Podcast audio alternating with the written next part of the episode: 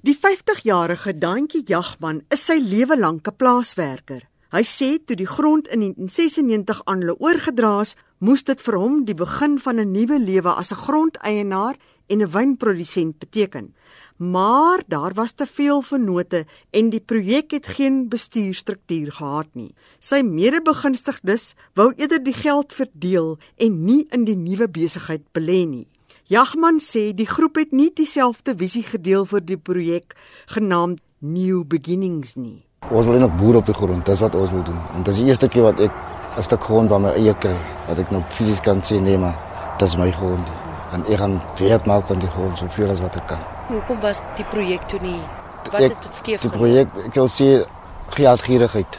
Geldgierigheid want uh, toe ons die eerste keer geld deur die wing het, het ek wel gesê ek weet mos nou wat is dividende is en toe sê ek wel ons kan nie nou vir jaar so maar geld dividende gee nie. Ons moet nou vir volgende jaar budget. Want volgende jaar gaan die het ander goede soort wat meneer Jansen ons voorgeskiet het moet ons uit ons eie sak uitkoop. En daar die ding ontstaan wat ek gesien het hier gaat 'n valler kom. Nou op die lang termyn te sien ek ja nee, daar gaan ons nog reg. Ek kan solid nog hard probeer in die laaste paar jaar om die paar aan wat ons oor gehad het, maar dit was ek sê, ander man het almal afgeskryf hulle wil verkoop, hulle stel nie meer belang in sig.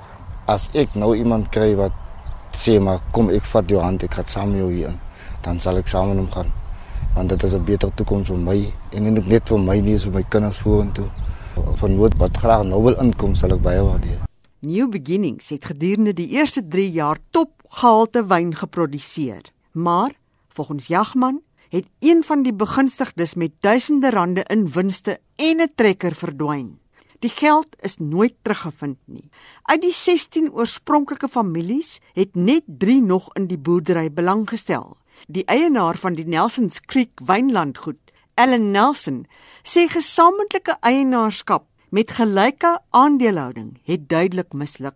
Ek is nou nie meer so jonk nie. Hierdie skenking het ek gemaak in 1995 baie jare gelede en ek het werklik die behoefte gehad dat dit my mense in 'n beter posisie sou plaas en dit is nog steeds my behoefte en ek hoop dat voordat ek ten gronde gelê word daar werklik vir hulle 'n beter toekoms sal wees en dat hierdie grond 'n deel daarvan kan wees. En ek dink hulle moet vir hulle 'n vernoot soek wat die nodige sake vernuf het en ook die toegang het tot die nodige geld om die projek weer op die been te bring. Die 14 hektaar vrugbare grond is tans in onbruik, maar het steeds produksiepotensiaal. Hierdie verslag is saamgestel deur Tandiswa Mahu in Kaapstad. Mitsi van der Merwe, SAK nuus.